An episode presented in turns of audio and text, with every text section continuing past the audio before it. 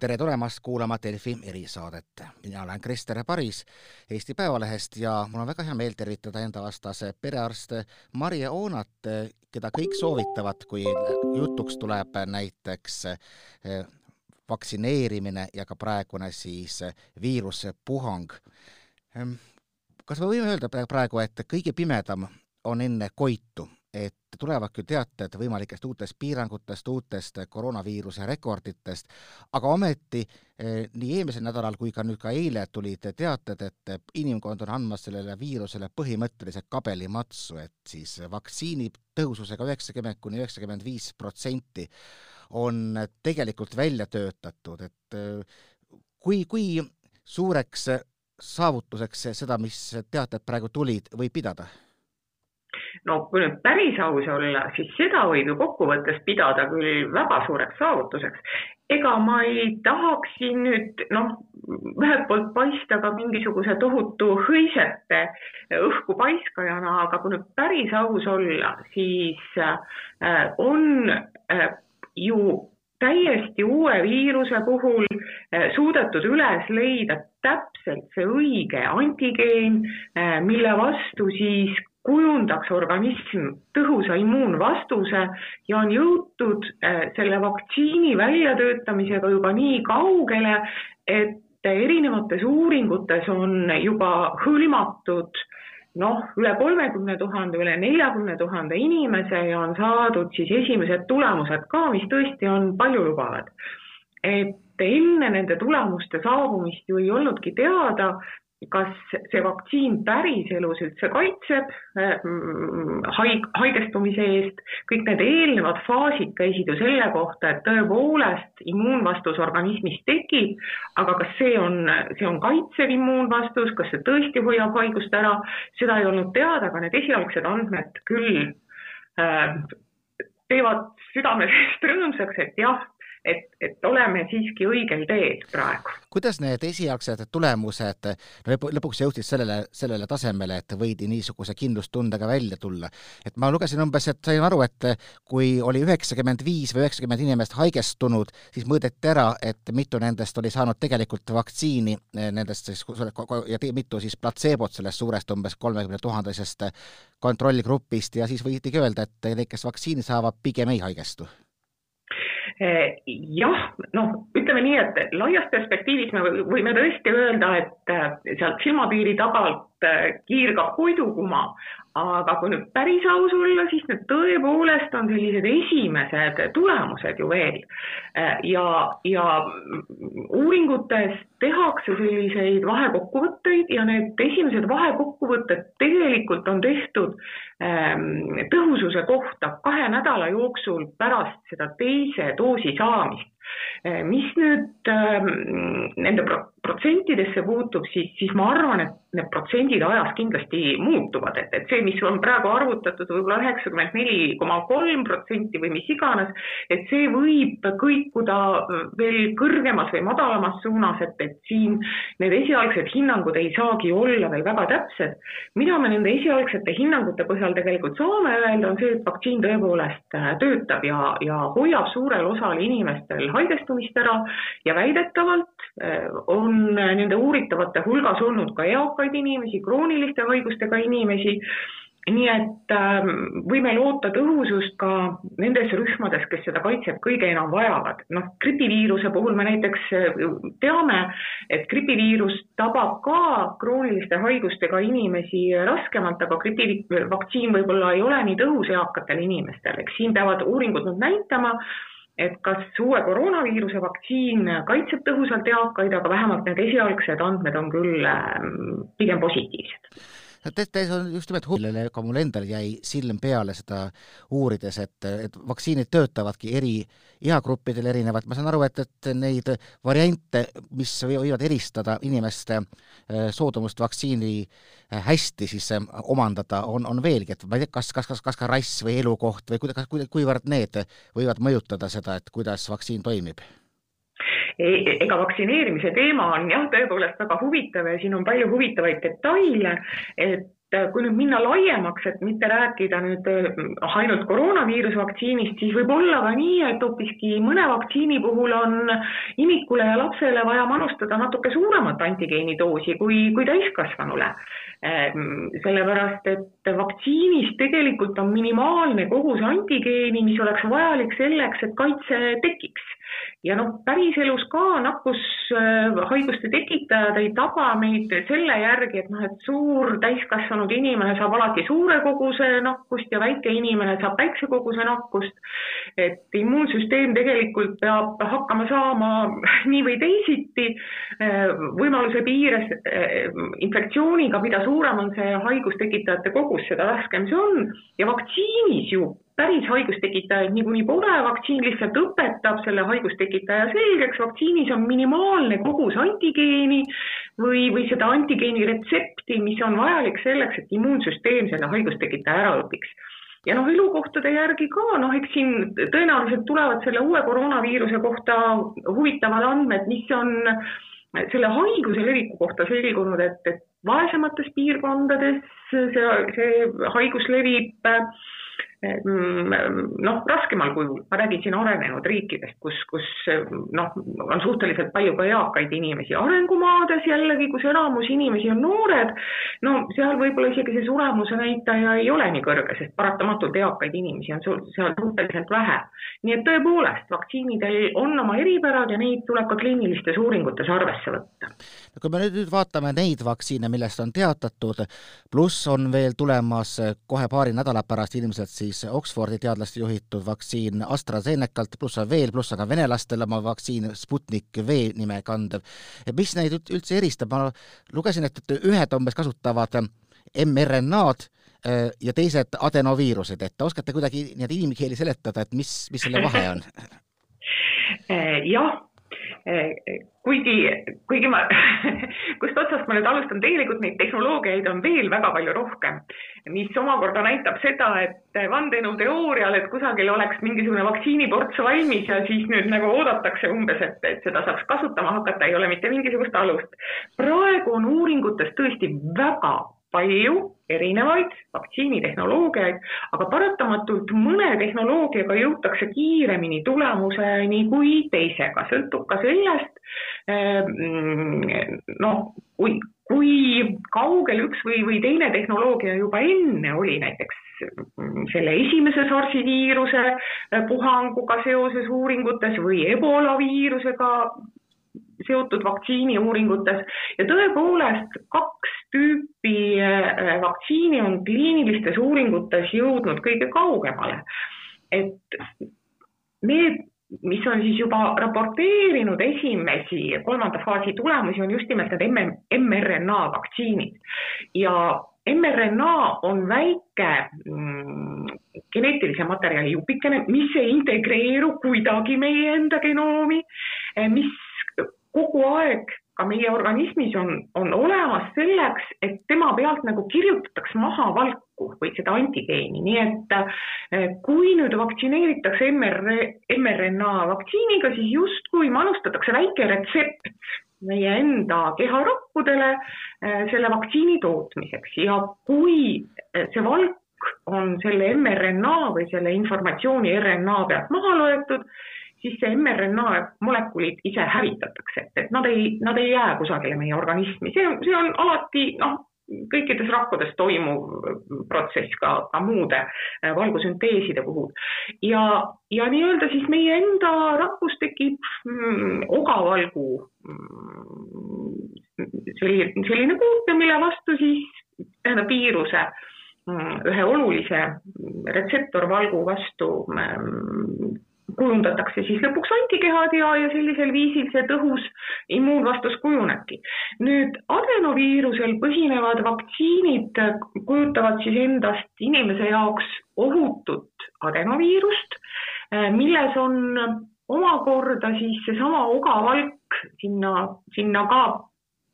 nagu lisatud sellele ohutule adenoviirusele ja jällegi kui äh, seda vaktsiini manustada, tekivad jällegi ogavalguvastased antikehad, mis edaspidi takistavad meil siis mm, haiguse mm, väljakujunemist.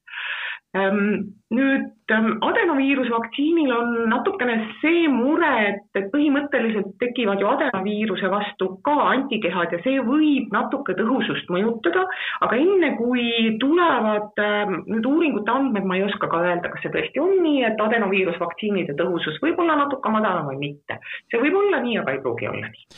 kas see, mida, mida me praegu nendest vaktsiinidest teame, on see, et nad on ikkagi ses mõttes klassikalise vaktsiini, mida tuleb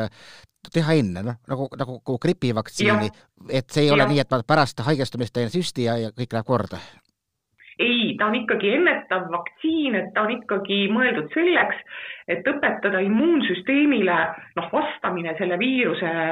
osas selgeks. Nad ei ole ravivaktsiinid, et, et siis, kui inimene on juba haigeks jäänud, et siis vaktsineerime, ei, siis see jääb nagu hiljaks, et see peab olema ikka ennetav. Palju on, on üldse teada näiteks sellest, mida teevad venelased, nad tulid ka kohe välja teatega, et aga meie Sputniku vaktsiin on üheksakümne kahe protsendiline, kuivõrd ütleme me, muu rahvusvaheline üldsus võtab seda tõesena, et veel ma ütleks niimoodi, et kaks nädalat tagasi oleks see tundunud lihtsalt sellise vene, venelaste bravadona, nüüd tundub, et aga miks ka mitte? Aga miks ka mitte, samas huvitav oli see, et tegelikult nende pressiteade tuli ka siis kohe. Selle esimese Pfizeri pressiteate järgi, et, et nad ka noh, kindlasti kohe raporteerisid ja, ja kindlasti kohe hõiskasid omapoolse tulemusega välja, elame-näeme. ma ütlen, kõik need tulemused praegu on esialgsed tulemused, kõiki neid tulemusi eh, tuleb hinnata selles kontekstis, et tegelikult Ravimiametid alles jälgivad eh,, missugune on, on lõplik andmestik nende vaktsiinide tõhususe ja ka ohutuse kohta. praegu ei ole neid vaktsiine registreeritud veel mitte üheski riigis peale väidetavalt Venemaa noh, neid, neid kolme vaktsiini, mis, millest praegu siis jutt käib, neid ähm, Pfizeri, eh, Moderna ja, ja siis Kamalea vaktsiine, ei ole kolmanda faasi kohta avaldatud veel ka teadusajakirjades selliseid põhjalikke uuringuülevaateid, nii et eh, natukene läheb veel aega, enne kui päris selliseid lõplikke äh, asju saab öelda nende vaktsiinide kohta. nagu praegu me saame öelda, et ta näib andma küll selgelt ilma oluliste kõrvalefektideta tõhusa kaitse, aga me vist isegi ei tea seda, et kui kauaks, on see aastaks, eluks ajaks? Aga seda me ei saagi praegu teada. Sellepärast et, et see selgubki ajaga. Me, kui, kui juba koguneb, ütleme seal kuskil poole aasta, aasta jälgimisperioodi andmestik, et siis me võime natukene juba pikemalt hakata ette ennustama ja kui koguneb viie aasta andmestik, siis me võime juba modelleerida aastakümnete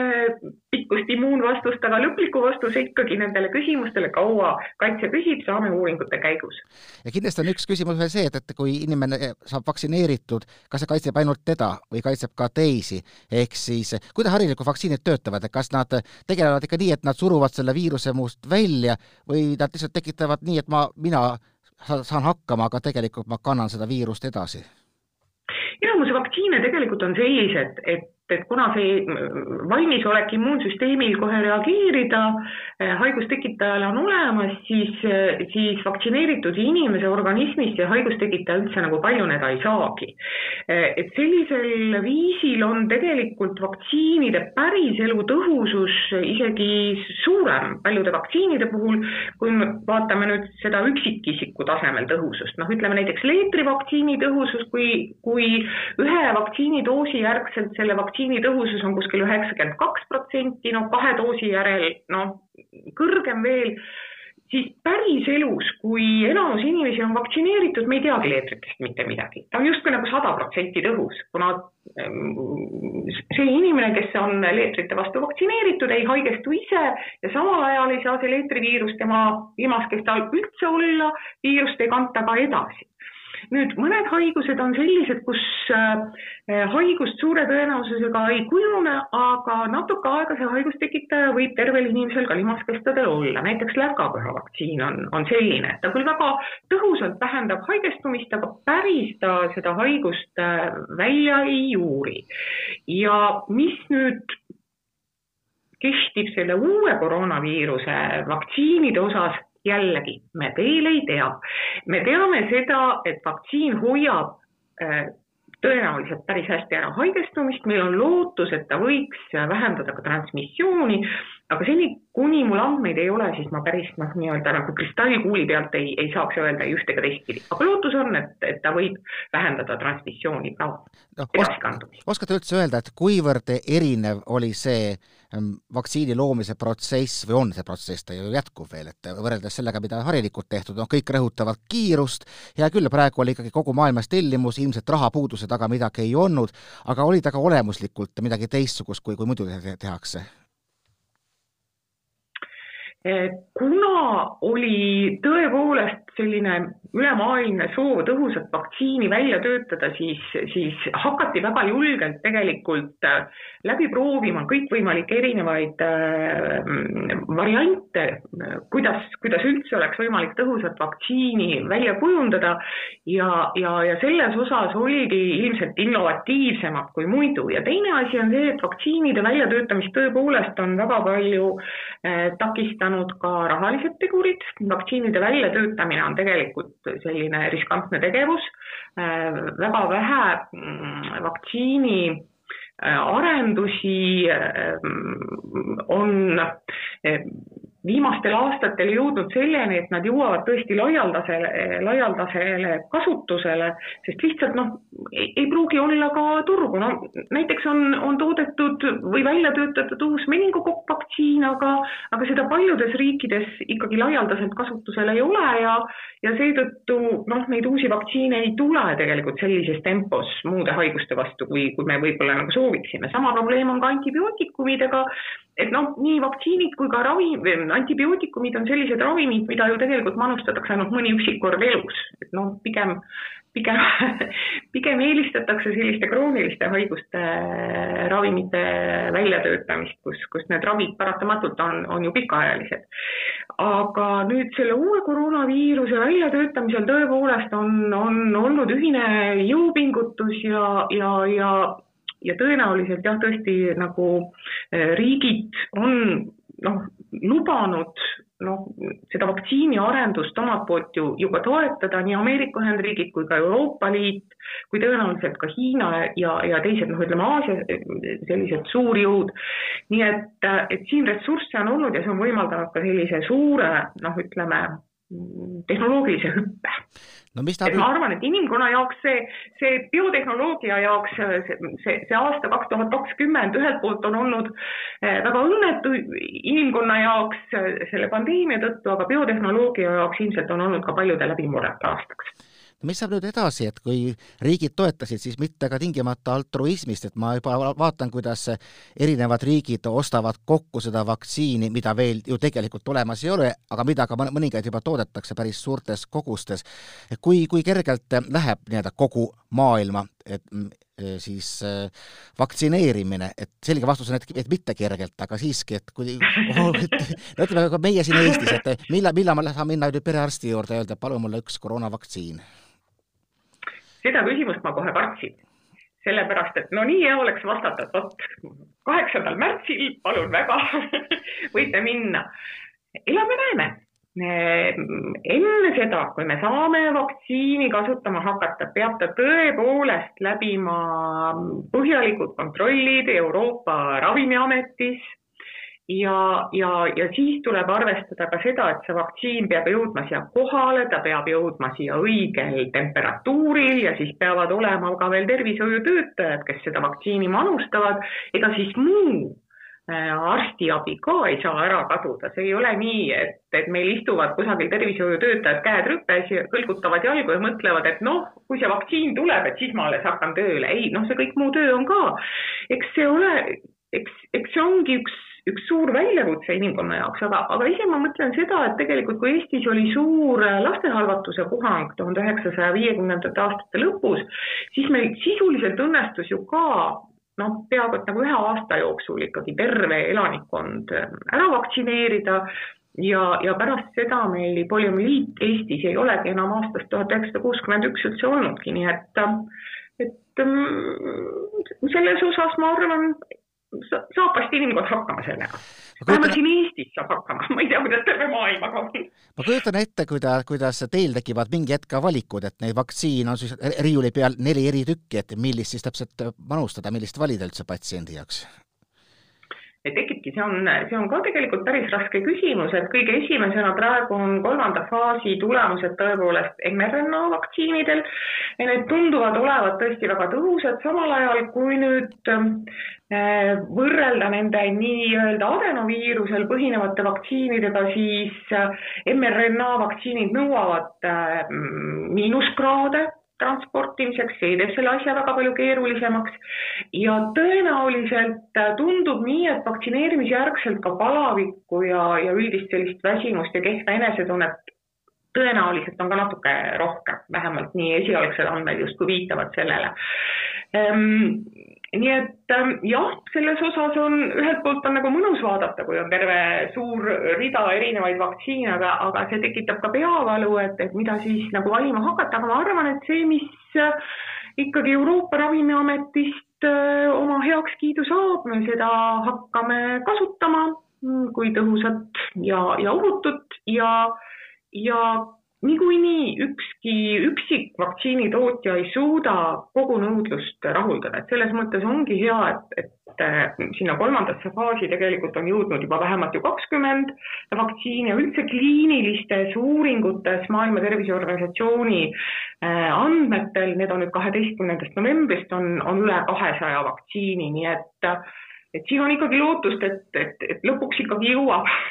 iga, iga soovijani eh, mingi, mingi vaktsiin. kusjuures mul tekkis mhm. täitsa huvitav küsimus, aga kuidas huvitav viia edasi neid katseid pärast seda, kui no nii-öelda esmase tõhususega vaktsiin on ikkagi selgelt tulemas, kuidas veenad inimest, et kuule, aga sina võta palun platseebot ja, ja, ja sa ei ole päris kindel, kas oled üldse vaktsineeritud?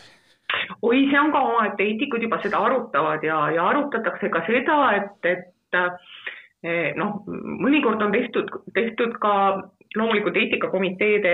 kindlal heakskiidul selliseid uuringuid, kus vabatahtlikke nakatatakse mõne haigustekitajaga eh, ja, ja siis hinnatakse ühe või teise ennetus- või, või raviviisi tõhusust. Eh, nii et see on tõesti ka jällegi üks peamurdmise ülesanne, et, et kuidas need uuringud kõik ähm, tõhusalt lõpuni viia ja tõepoolest siis lõpptulemusena välja selgitada, et missugune variant see kõige parem on. aga noh, ma, ma usun, et kui maailmas on tarku ja sihikindlaid inimesi, siis, siis, siis need uuringu tulemused meie inimkonnani ka jõuavad aga see võtab aega loomulikult. aga vaatame nüüd natuke lõpuks otsa veel ühiskondlikule pildile laiemalt, et no kõigepealt siin olid, kui viirus levis, olid täitsa tugevad konkureerivad teooriad, et umbes ikkagi püüame kas saavutada karja, karja immuunsust või siis vastupidi, katsume viirust nii kontrolli all hoida kui võimalik. Nüüd ma kujutaks ette, et see nagu karja immuunsuse jutt, mida niikuinii ei saavuta kiiremini kui vaktsineerimist tõenäoliselt, see ilmselt siis on nüüd taandunud selle uue, uue ja positiivse reaalsuse ees nojah, karjaimmuunsuse kohta ma ise olen mõelnud seda, et äh, kevadise haiguspuhangu ajal oli ähm, kõige, kõige rohkem tabatud ju Saaremaal ja, ja kui vaadata Saaremaal läbi viidud äh, selliseid epidemioloogilisi uuringuid, siis ütleme suurusjärgus kuskil kuus protsenti oli nendest äh, nakatunud. Nüüd karja immuunsuse jaoks ennustatakse, et peab olema ikkagi vähemalt noh, kuuskümmend, seitsekümmend protsenti inimestest immuunsed, mis tähendab seda, et, et meil oleks vaja kümme sellist puhangut, nagu oli Saaremaal. et ma arvan, et me tegelikult ei taha seda kõike üle elada ja kui päris aus olla, siis nakkushaiguse läbipõdemise järgselt sellist klassikalist karja immuunsust äh, tegelikult äh, ei, ei ähm, saavutagi pikas perspektiivis, sellepärast et kui, kui ühel hetkel noh, ütleme tõepoolest see kuuskümmend, seitsekümmend protsenti inimestest on haiguse läbi põdenud ja, ja see haiguse leviku potentsiaal väheneb, siis läheb mõni aeg mööda, mõned aastad ja, ja, ja tekivad juurde uued mitteimmuunsete põlvkonnad. nii et sellepärast nakkushaigused klassikaliselt ongi alati kujunenud lainetena ja, ja noh, selline hea karjaimmuunsus, mis tõepoolest tõrjub selle haiguse päriselt välja, nii et me võime ta ära unustada, see on saavutatud ikkagi tänu vaktsineerimisele, et noh, tõepoolest õnneks me enam ei mäleta polümüliiti või, või difteeriat, noh, vaatame Tõde ja õiguse filmist, kuidas need haiguspuhangud olid, aga reaalses elus me seda ju enam ei tea, et see on ikkagi tänu vaktsineerimisele saavutatud, jah. Nojah, kui siis ühiskondlikust pildist veel nagu vaadata ka sellele teisele poolele, et kui suurt muret võib ikkagi tekitada see, et mitte kõik ei taha vaktsiini saada, ütlevad, et ah, teie tehke oma, oma karja immuunsus. mul jäi silma üks küsitlus äh, USA-st, kus minu meelest mingi viisteist protsenti vähemalt, kui mitte suurem hulk inimesi ütles, et isegi kui on väga tõhus koroonavastane vaktsiin, aga meie, meie seda ei võta, et kui, kui, kui muret võib tekitada see, et me ka vaktsiinidega seda immuunsust siiski ei saavuta no ütleme sellisel juhul, kui meil on olemas tõhus vaktsiin, siis see inimene, kes on vaktsineeritud, võib ennast ikkagi rahulikumalt tunda, ütleme siis nii, tervishoiusüsteemi seisukohast ja meie kõigi sellise üldise normaalse elu jätkumise seisukohast oleks muidugi väga hea, kui meil oleks saavutatud see, see karjaimmuunsus. et, et selles mõttes on iga inimese panus tõepoolest ma arvan, ikkagi väga vajalik, aga ma ei näe ette ka seda, et me hakkaksime kuidagi sunniviisiliselt kedagi vaktsineerima ja ise ma ei ole kindlasti kohustusliku vaktsineerimise pooldaja, minu meelest vägisi head teha ei, ei saa, et seda peab lihtsalt ka nagu aktsepteerima, et, et kõik, kõik võib-olla ei soovi vaktsineerimist ja kaitsta siis neid, kes ikkagi on äh, huvitatud enda kaitsmisest mida eetikud üleüldse ütlevad selle kohta, kui näiteks on ärahoitav haigus vaktsineerimisega, inimene on teadlikult keeldunud ja tuleb äh, arsti juurde, no noh, loomulikult me ilmselt ega ikkagi, ikkagi ravime teda, aga see tekitab ilmselt eh, mõningaidki küsimusi. küsimusi tekitab, aga ravime ikka no selle positiivse noodiga lõpetame, igatahes need viimased kaks nädalat on olnud korraliku lootuskiire andjad ja ilmselt neid positiivseid sõnumeid kõige selle muu kõrval, mis tuleb, tuleb järjest juurde, et ähm, ikkagi lõpuks me saame siis, võime siis öelda, et me peaksime lihtsalt nüüd katsuma võimalikult sujuvalt selle pimeda talve veel enne kevadet üle elada, elada. Jah, ja olge palju värskes õhus ja, ja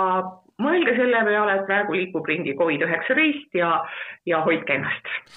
aitäh perearst Marionnale, mina olen Krister Paris, aitäh kuulamast!